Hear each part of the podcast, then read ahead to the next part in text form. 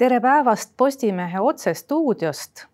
tänases saates tuleb juttu Nursipalu harjutusväljaku laiendamise piiridest ja teemat on tulnud selgitama siis Kaitseväe juhataja asetäitja kindralmajor Veiko Vello Palm, tere tulemast.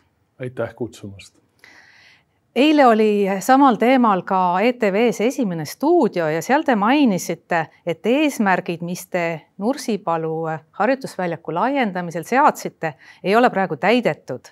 ja tänases Postimehes avaldatud kaardilt on ka näha, et kaitseminister Hanno Pevkuri soovil alast välja lõigatud jupp ei klapi kuidagi raskerelvade ohualadega kuna raskerelvast lastakse teatud suunas, seal on oma ohuala ja on räägitud, et eh, see ohuala peab olema vähemalt seitse kilomeetrit, et üldse saaks eh, soovitud harjutusi teha.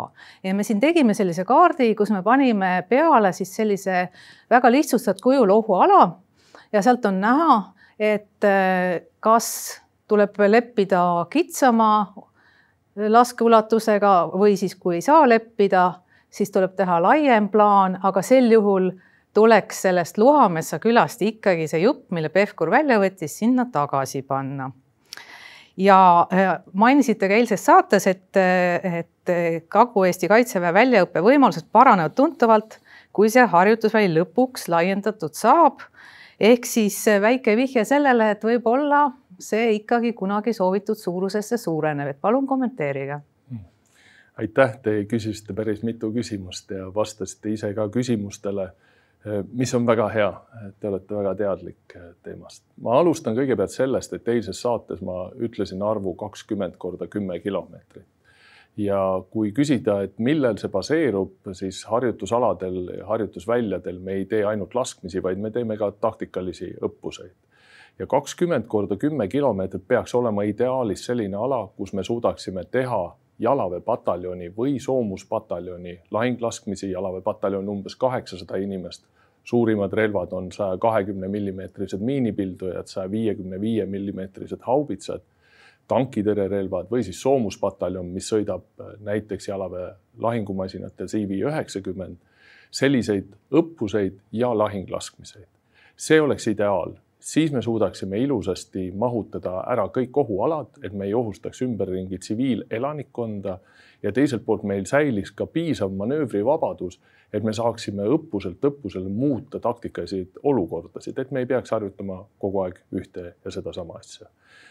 Nursipalu kandis nüüd selles konkreetses uues harjutusväljas ma ei ütleks, et me seadsime endale eesmärgiks kohe saada seda kakskümmend korda kümme kilomeetrit. Ja kui ma korraks kaardi peale vaatan, siis äh, praegu lihtsalt meeldetuletuseks, et on tähistatud need alad, mis on juba kaitseväe kasutuses, ehk siis praegu eksisteeriv Nursipalu harjutusala, Sänna niinimetatud raketibaas ja pisikesena on siin kolmandana äh, ma väga vabandan oma võrukeelse hääldamise pärast, mis mul on täiesti puudulik, aga põhja-eesti keeles see on äh, sigade sonkimise maa tõenäoliselt ehk Tsead-Sõngelmaa. Äh, nüüd punktiirjoonega on tõesti tähistatud see, mida kaitseminister otsustas esitada kaitseministeeriumi ettepanekuna ja vastab tõele, et sellisel kujul see kaitseministri ettepanek kõiki kaitseväe vajadusi ei rahulda. ehk siis me edaspidi ei suuda Äh, teha soomuspataljoni lahinglaskmisi. me ei suuda teha kõiki manöövreid selliselt, nagu me sooviksime.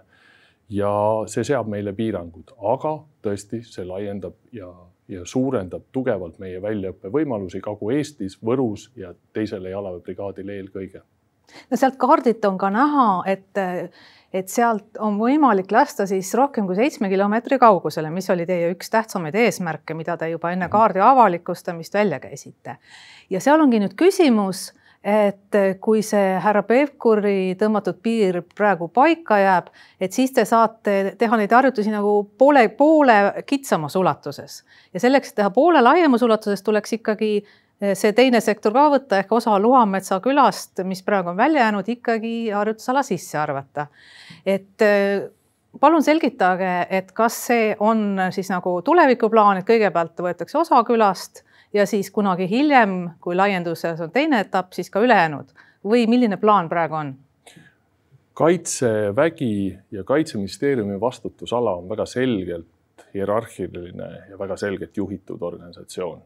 Kaitsevägi on esitanud oma ettepanekud ja selgitanud, millised on kaitseväe vajadused ja millised eesmärgid me saaksime täidetud selleks, et oma väljaõpet võimalikult realistlikult läbi viia meie endi poegadele ja tütardele, õdedele, vendadele, isadele ja emadele. ja see oli umbes selline nagu siin ütleme, see meie roosa tordilõik. see oli natukene suurem kui punktiirjoonega tähistatud ala ja kaitseminister loomulikult tegi seda, milleks tal on täielik õigus ja ta võttis vastutuse, nagu kaitseminister on ka selgelt öelnud, et ta on vähendanud meie ambitsioone meie kõik vajadused ei saa täidetud, aga veel kord, õigemini tagurpidi, meie väljaõppe vajadu-, väljaõppe võimalused paranevad tuntavalt.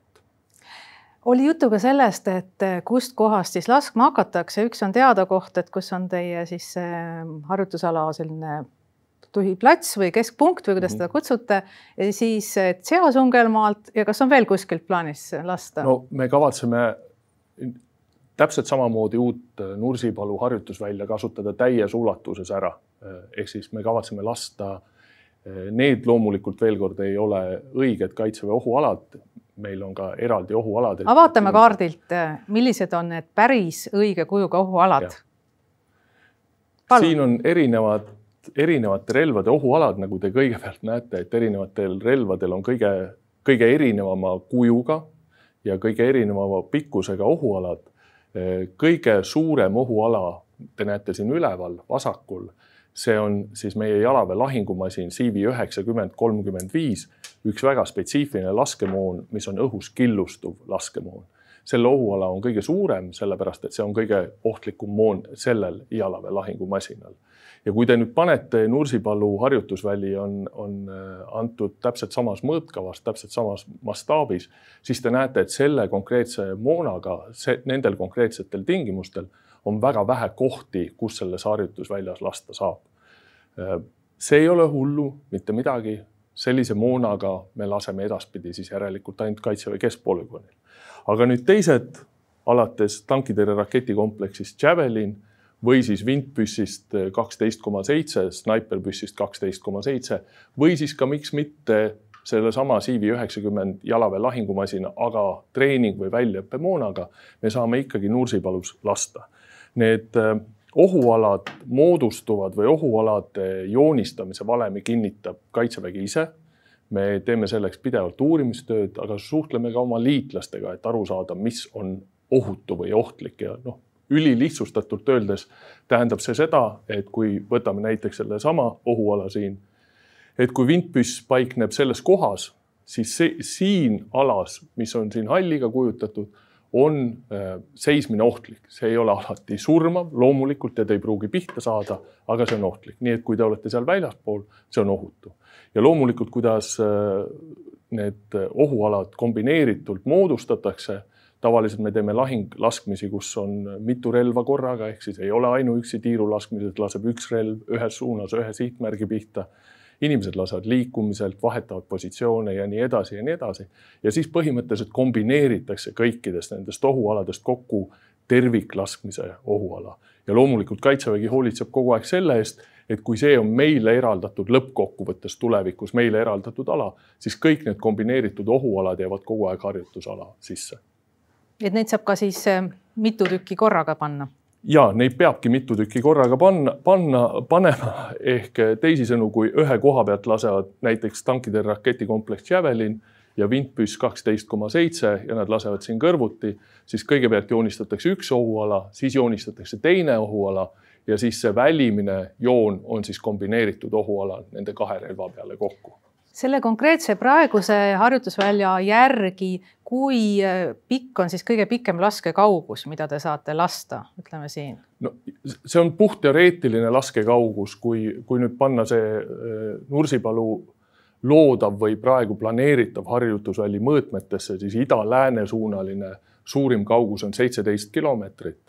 Põhimõtteliselt me suudaksime siin lasta ükskõik millist otselaskemoona, aga see on ainult teoreetiline. see tähendaks eesti keeles seda, et see tank peaks seisma siin kuskil väga füüsiliselt selle koha peal ja ta peaks laskma väga täpse suunaga ja, ja siis see ohuala peab äh, siia sisse ära mahtuma või ära nipitama siia sisse ähm,.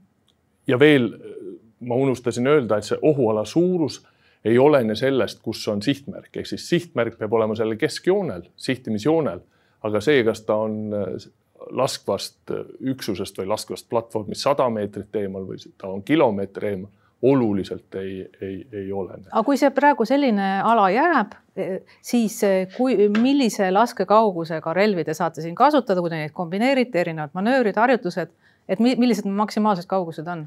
No need maksimaalsed kaugused puhtpraktilises mõttes, kui me räägime näiteks jalaväe lahingumasinaga, tähendavad seda, et me jäämegi laskma väljaõppemoona ehk treeningmoona, see on ka tegelikult enamus moon, mida me laseme oma väljaõppe laskmistel. selleks, et lasta päris moona või ütleme, tankitõrjemoona näiteks, see on tankitõrjemoon, õhus killustuv moon siis äh, selle jaoks peab olema ka sihtmärgid äh, teistsugused, väärilisemad ehk ei piisa selles mõttes, et sa lased näiteks kile sihtmärkide pihta, vaid sa pead tegema terasest, rauast sihtmärgid, et näha ka mõju sihtmärgi peal. Mhm. see on eelkõige meeskonna väljaõpe. ja kui, mis need ikkagi kõige kaugemad kaugused on, et seitse kilomeetrit või rohkem? ma arvan, et seitse ja kümme kilomeetrit on mõistlik. noh see selleks, et nüüd konkreetsemalt näha, milline üks suure laskmise ohuala, ma väga vabandan, et ma ühtegi sellist ette ei valmistanud ka puhtteoreetiliselt. põhimõtteliselt tähendab see seda, et kui me ja me jätame praegu kõrvale see, selle, millist tüüpi pind, pinnastik ja millist tüüpi millist tüüpi pind ja millist tüüpi maastik see siin on, aga oletame, et see on täis, täisharjutusala on meil kasutada, siis kui näiteks jagu kümme inimest hakkab siit tulema äh, ja hakkab liikuma läänest itta ja siia jakku kuulub üks Javelin, kuulub üks äh, kaksteist koma seitse millimeetrit kuulipilduja äh, ja kuulub näiteks veel üks snaiperpüss, siis kui nende manööver on äh, ütleme kolme või nelja kilomeetri pikkune näiteks, siis see on see ala, kus nad liiguvad ja ohualad siis vastavalt kujunevad praktiliselt teise harjutusala servani välja. näitame nüüd korraks kolmandat kaarti siia me panime kilomeetrite järgi, et üks variant, et kui on kümme kilomeetrit ohuala, siis ta selle harjutusala peal võiks näha välja nii. kas on eh, ka päriselt plaanis lasta Tsead-Sungelmaalt, ütleme selliste relvadega, mille siis laskekaugus küünib kümne kilomeetrini? -hmm. on, kuid ma tahaks öelda seda, et see ala, jah oletame nüüd, et me saavutame rekordilise kiiruse ja, ja millegipärast otsustatakse teha täiesti erimenetlust ja kogu see harjutusväli eraldatakse kaitseministeeriumile ja kaitsevägi saaks seda kohe kasutama hakata, siis see ei tähenda seda, et me päriselus saame ka seda kohe kasutama hakata. see nõuab päris suuri ümberkujundusi, maastiku ümberkujundusi. loomulikult me täidame kõiki looduskaitse eeskirju ja hoiame kõiki Äh, hoidmist väär, väärivaid äh, asukohtasid seal, looduskaitsealasid, sedasama Keretü sood näiteks. aga see nõuab päris suuri ümberpaigutusi. mitu mitu hektarit raadamist see võiks tähendada? Äh, kui ma nüüd ütlen mälu järgi, siis Kaitseväe keskpolügoonil me oleme kahekümne aasta jooksul ja meie all ma mõtlen Kaitseministeeriumi valitsemisala, me oleme kahekümne aasta jooksul raadanud umbes kaks tuhat hektarit metsa kaks tuhat hektarit metsa, et tekitada sellised manööverkoridorid, mis kaitseväge rahuldaksid, kus me saaksime tõepoolest harjutada mitte sõdimist metsas, vaid sõdimist sellises maastikus, nagu Eesti on. ja Kaitseväe keskpolügoon on umbes äh, kaksteist tuhat, üksteist tuhat üheksasada viiskümmend hektarit pluss laiendatud ohualaga üheksa tuhat hektarit. nii et kokku ta teeb umbes kakskümmend üks tuhat hektarit. kui ma seda ala vaatan ja ma pean tunnistama, et me ei ole veel kõiki manööverkoridore joonistanud, seda tähendabki planeerimisprotsess. Aga kui ma seda ala vaatan, seda tervikut ala, siis praeguse ülesehituse või jaotuse puhul ma ütlen jälle väga robustselt, seitsekümmend viis kuni kaheksakümmend protsenti sellest on metsane ala. viis kuni kümme protsenti on soine ala seal on hästi palju looduskaitsepiiranguga alasid ja ainult ütleme kümme protsenti sellest, kogu sellest harjutusalast, kaasa arvatud juhul, kui need kakskümmend üks majapidamist või kakskümmend üks kinnistut koos eluasemetega meile tulevad, siis ainult kümme protsenti on sellist ala, mida saab väga kiiresti kasutusele võtta. see soostunud ja metsastunud ala ja mis jääb enamasti noh, ta katab sisuliselt kogu seda harjutusvälja, ka see Keretü soo on keskel väga-väga. kas võib rääkida umbes tuhandest hektarist raadamisest? lisaks olemasolevale harjutusplatsile? Ma arvan, et, et see hektarite arv ja veel kord ma ütlen, et see on kõik väga ennatlik ja seepärast ma ütlen väga suure arvu. see jääb kuskil kahe poole ja kolme tuhande, kolme poole tuhande hektari vahele. see on, see on meeletu raadamistöö, aga see ei ole mitte ainult raadamistöö, vaid see on ka kuivendamistöö. ja, ja see probleem meil on sellega, et me ju ei taha hävitada seda looduskooslust siis tõenäoliselt me ei suuda teha seda kuivendamist, nagu seal praegu on tegelikult väga palju tehtud. kui te nüüd käite seal ringi ja vaatate seda kaarti näiteks, siis praktiliselt kogu lääne ala on kuivendatud, mis tähendab seda, et ta on tihedalt kaetud kraavivõrgustikuga ja see kraavivõrgustik on enamasti põhja-lõuna, noh, ütleme mitte põhja-lõuna, mul on suundadega kehvasti, aga loode kagusuund on põhiline see kraavide suund. ja kui sa tahad manööverkoridore teha risti nende kraavidega, siis sa pead kuidagi neid kraave ületama. üks variant on need kõik täis ajada, siis see soostuks.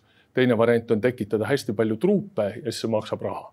kui nüüd rääkida jälle näid-, näidetest, siis praegu me oleme viimase kahekümne aasta jooksul rajanud keskpolügoonile üle saja kilomeetri teid, üle saja kilomeetri teid me oleme ehitanud sinna viis korralikku silda, millest ühe kandevõime on üle saja kahekümne viie tonni. see on noh, see on korralik maanteesild. et siin jätkub tegemist ikka mitmeks heaks aastaks? päris kindlasti, veel kord, ma arvan, lisaks nendele raadamistele, lisaks kuivendamistele, lisaks truupidele, ma arvan, et me peame ehitama kaheksakümmend pluss kilomeetrit teid nii et see on väga-väga massiivne ja kallis ettevõtmine. Teil on plaanis ehitada ka linnak kus siis saaksid peavarjuga liitlased, kus saaks suurem hulk sõjaväelasi kokku tulla. kuhu kohta see võiks tulla, millised kohad üldse mõeldavad on siin? Äh, harjutusvälja lähedal. ja kuhu näiteks? ma pakun ja, ja räägime sellisest, ühtegi otsust ei ole veel Just. tehtud. Äh, me räägime kohtadest ja Sõmerpalu, ma räägin väga-väga suure kaarega. me räägime kohtadest nagu Sänna ja siin jälle ma räägin väga suure kaarega ja siis me räägime päris äh, meil olemasolevatest äh, juba Tšea-Tsõngelmaa äh, piirkonna lähedal. et need on sellised perspektiivsed kohad, kuhu me võiksime rajada linnakut. kui suurele pindalale see linnak mahub? Seda ma ei oska öelda, aga linnakud on suhteliselt väiksed, me oleme suhteliselt kompaktsed siiski. ja kui me nüüd räägime linnakutest, siis praeguse seisuga meie põhiliseks linnakuks jääb ikkagi Taara linnak Võru, Võru linnas Võru linnavalitsus eh, on teile pakkunud ka aastaid tagasi eh, seda krunti, kus oli Vene naftabaas et eh, võiksite laiendada sinna või ehitada linnaku sinna ja vastutasuks oleks siis linnavalitsuse poolt olnud selline soov, et likvideeriksite selle jääkreostuse, mis seal on ja mille likvideerimine maksab nii palju, et kohalikul omavalitsusel ei ole selleks raha. Ja see on väga ohtlik seal, see võib tekkida pinnasesse, samuti loodusväärtused, et miks see ei sobinud? no kõigepealt ütleme seda, et ma pean tunnistama, et ma ei mäleta enam detaile ja, ja see oli selleks küsimuseks, ma ei ole eriti hästi ette valmistanud. peast ma ütlen niimoodi, et äh, kui me tegime oma kalkulatsiooni, siis äh, sealt oleks vist ära pidanud vedama kuskil nelisada, viissada rongitäit pinnast. see ei ole väga väike kogus, see on väga-väga massiivne kogus, see oleks pidanud kuhugi vedama, ära puhastama ja sisuliselt tagasi tooma pinnase täiteks et see ettevõtmine oleks olnud aastate pikku, pikkune ja see kindlasti oleks kallis. Meie baseerisime oma seda konkreetset äh, hinnangut, et me ei soovinud sinna laieneda päris mitmel asjal. aga üks hinnang, mida mina isiklikult olen näinud spetsialistide poolt ja meie ei ole need spetsialistid, oli see, mis ütles, et see koht sellisena ei ole loodusreostav. see koht sellisena ei oma väga suurt ohtu aga juhul, kui seda kasutusele võtta, siis tuleb seal teha väga massiivset tööd. nii et pigem ma arvan, et riigi seisukoht oli selline, et las ta siis olla selline, nagu ta on, ärme parem torgi mainisite enne, et on plaanis äh, lasta sellistest relvadest, mille laskeulatus küündib kümne kilomeetrini, Tšea-Tsungelmaa äh, piirkonnast. Sealt on äh, Võru haiglani ehk siis Lõuna-Eesti haiglani paar kilomeetrit ja Võru linnani kolm kilomeetrit. et kui nii võimsatest relvadest lasta, siis äh, tekib suur müra, mis müratundlikemate inimeste jaoks võib tähendada väga suurt äh, enesetunde halvenemist või võib isegi muutuda elukeskkond väljakannatamatuks. et olete teinud ju ka mürauuringuid, et valgustage natuke, et mida see tähendab, milline, millist müra see tähendab võrreldes praegusega, kui lasta Tšea-Sungelmaalt kümne kilomeetri kaugusele mm. -hmm. kui oleks võimalik minna tagasi eelmisele slaidile. suur tänu. kõige suurema ohualaga relvad, mis meil on äh, räägime jalaväerelvadest, on tankitõrjerelva, tankitõrje raketikompleksid Spike long range ja Spike short range siin all ja lisaks veel tankitõrje raketikompleks Javelin. Neid relvi me üleüldse aastas laseme väga vähe. väga vähe tähendab seda, et me võime neid üles lugeda, neid laskusid ühe või kahe käe sõrmedel. ma ei ole kindel, et kõiki neid relvi hakatakse laskma Nursipalus. ehk siis see tähendab seda, et suur või suur laskekaugus ei ole alati seotud laskmiste tihedusega ja ei ole alati seotud ka tegelikult paugu suurusega. Need inimesed, kes on Javelini laskmist kuulnud, võivad kinnitada, et Javelin tegelikult on näiteks mõeldud laskmiseks ka hoonetes sees. ehk siis see pauk ei ole nii suur. ma arvan, et, et palju suurem probleem Nursipalu, Võru elanikele on käsitulirelvade mõju ehk siis tavalised automaadid, tavalised kuulipildujad, aga miks mitte ka lõhketööd ja miinipildujad. ka neid me laseme suure kaliibrilisi relvi, me laseme suhteliselt vähe. aga nüüd käsitulirelvade vastu ma ütlen ausalt ära, ega mul head rohtu ei ole. see teeb pauku, tänapäeva relvad on sellised no ilmselt on oodata ka suhteliselt intensiivset harjutustihedust, et mainisite ka eilses esimeses stuudios, et keskpolügoonil on kuskil kolmesajal päeval aastal mingisugune tegevus ja ka on selline olukord, et ei saa enam Lätti harjutama minna, on uued plaanid, et see tähendab, kui paljudel päevadel aastas umbes sellist täristamist võib kohalik elanik kuulda? praegu Nursipalu olemasolevat harjutusala me kasutame selgelt üle kahesaja päeva aastas, praegu juba olemasolevat harjutusala. jälle, kui vaadata seda, kui oleks jälle võimalik minna kas eelmisele või järgmisele vaatele. kui vaadata seda praegust Nursipalu harjutusala, siis äh, seda ala kasutatakse juba üle kahesaja päeva aastas. nüüd ma ei ütleks, samuti ka Tsead-Sõngelmaad, ka seal äh, täristatakse ehk siis kasutatakse paukmoona äh, päris kümnetel-kümnetel päevadel aastas. et ma ei usu, et see mürareostus otseselt väga palju suuremaks läheb. tekivad tõenäoliselt hüppelised päevad, kus me teeme suurte üksuste harjutusi ja kus me to toome soomustehnikat Kagu-Eestisse, siis tõesti. aga praegu on väga-väga raske ennustada seda täpset mürareostust. ma loodan, et ka see väga palju selgub planeeringu käigus, päris tõsiselt loodan mainisite enne ka metsa, kas sellest on loogiline järeldus, et näiteks Ida-Virumaale Tuhamägede piirkonda, kus ei ole talusid, ei pea talunikud välja kolima, et sinna ei saaks sellist harjutusväljakut teha? Ehm, meil on väga hea harjutusväli Ida-Virumaal Sirgala endises kaevanduskarjääris. see ala on küll maa-alaliselt suhteliselt suur, aga ta on väga raskesti kasutatav, sest kaevanduskarjäär ja see kaevanduslik tegevus jagab selle väga pikkadest ja kitsasteks siiludeks, et see on äärmiselt ebatüüpiline Eestimaa maastik. ja kui nüüd rääkida üleüldse Kaitseministeeriumi otsingutest, harjutusalade otsingutel, siis noh, tegelikult Kaitseministeerium on üheksakümnendatest aastatest peale sellega tegelenud ja ei ole leitud Eestimaal selliseid kohtasid, kus me saaksime piisava suurusega harjutusala, harjutusala selliselt rajada, et see tõepoolest mitte kedagi ei puudutaks.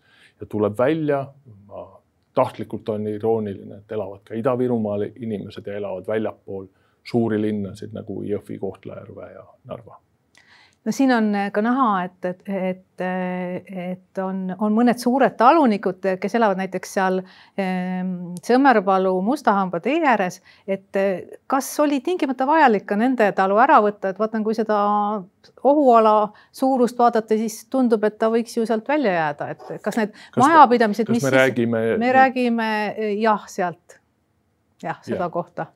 Äh, meie jaoks on peale selle et me räägime puhtalt alalt, puhtast alast või ala suurusest, on äärmiselt tähtis ka ala kvaliteet, äärmiselt tähtis. see maa-ala, mida me saaksime kiiremini kasutusele võtta ilma suure kahjuta loodusele, on tavaliselt põllumaa ja selles mõttes ilma suurema kahjuta loodusele, et, et tavaliselt ka Eesti põllumaal on monokultuurne põllumaa, seal ei ole mitut erinevat kultuuri ja nüüd, kui seal hästi primitiivselt öeldes ja tõenäoliselt äh, ma eksin, aga ma arvan, et kui seal kasvatada kas nisu või sõita tankiga, siis see tagajärg loodusele on enam-vähem ühesugune. ja selle maa ja selle pinnase me saaksime võimalikult kiiresti kasutusele võtta ja võimalikult väheste kahjudega loodusele endale lõpetuseks küsin selle teema kohta, mida te ka kergelt mainisite jällegi eile ETV-s, et kui tuleb selline suuremahuline laiendamine, peaks sellest olema kasu ka kohalikele inimestele nüüd need kohalikud inimesed ütlevad, et laiendamine oli ka eelmine kord ja peale seda lubati sedasama, aga olukord on selline, et näiteks talunikest ainult kõige suurem saab kaitseväele oma juurikaid müüa, sest et riigihanked on nii suured, et keegi ei kvalifitseeru. et nad tunnevad, et nad ei saa mitte mingit otsest kasu, et kui on läinud kaitseväe toetusraha kohalikule omavalitsusele, on selle eest küll ehitatud teid, tänavavalgustust et summad on küll suured, aga see inimene, kes seal elab, kes peab põldu, karjatab loomi, et tema nagu tunneb, et tema ei saa nagu mingit kasu mm. -hmm. Teil on väga hea mõte juba järgmiseks saateks, ma soovitan külla kutsuda Riigi Kaitseinvesteeringute Keskuse juhi äh, Magnus Valdemar Saare. tema räägib tema detailsemalt ja tema oskaks detailsemalt rääkida mis mina oskan öelda, on, on see, et, et meie oleme näinud, et meie need väiksed panused kohalike omavalitsuste sisse, olgu see siis kas Võru kandis, Tapa kandis, Otepää kandis, Muhumaal, on tegelikult parandanud kohalikku elukvaliteeti, vähemalt sellise tagasiside oleme meie saanud. ja teiselt poolt nüüd riigihangetest ja kohaliku toodangu müümisest selles ma tõesti ei ole spetsialist, aga ma tean, et ma olen söönud näiteks kohalikke tooteid ka meie väeosade sööklates. on ka töökohti pakutud või ei ole? loomulikult on. loomulikult on. tavaliselt on need kõik teenindavad töökohad. kui me räägime nüüd ütleme meie kõige suuremast linnakust, Tapa linnakust, siis äh, noh, nüüd vahe kohaliku, kuidas ma siis ütlen, infrastruktuuri, taristu, elamisvõimaluste vahel või siis äh, eluolu vahel, tingimuste vahel on nagu öö ja päev, kui me vaatame viimased kakskümmend aastat. meie oleme suhteliselt hea ja hinnatud tööpakkuja, Kaitsevägi ja Kaitseministeeriumi valitsemisala laiemalt, igal pool, kus me oleme kohal. meil on tavaliselt järjekorrad, et meie juurde tööle pääseda. ja kui rääkida veel kord jälle sellest Tapast või kõige suuremast linnakust, siis kasvõi see juba näitab, et eluolu läheb piirkonnas paremaks, et kinnisvarahinnad tõusevad, see on ju otsene märk sellest, et inimesed tahavad sinna tulla. palju teil Tapal on töökohti, mida te kohalikele pakute, mis siis ei ole sõjaväelastele või noh, kaitseväelastele? ma jään vastuse võlgu, selles mõttes ma jään vastuse võlgu, et enamus need töökohad ei kuulu, kuigi nad on kaitseväe territooriumil, nad ei ole kaitseväe hallatavad töökohad. me oleme kogu toitlustuse pakub meile Riigi Kaitseinvesteeringute Keskus Tapa linnakus jällegi on kõige suurem sööklakompleks, me sisuliselt teeme süüa iga päev üle kolme tuhandele inimesele. ja, ja kui ma nüüd mälu järgi ütlen, siis nii-öelda tsivilisti ametikohtasid ainuüksi Tapa linnakus peaks olema kuskil kolmesaja ringis. Need ei ole ainult sööklaga seotud, need on ka tehnilised ametikohad meie eh, töökodades, aga need on ka toetav personal, nagu näiteks referendid või personalitöötajad suur tänu Postimehe otsestuudiosse tulemast, härra Palm. aitäh teile. ja ongi tänane saade läbi, uus saade juba homme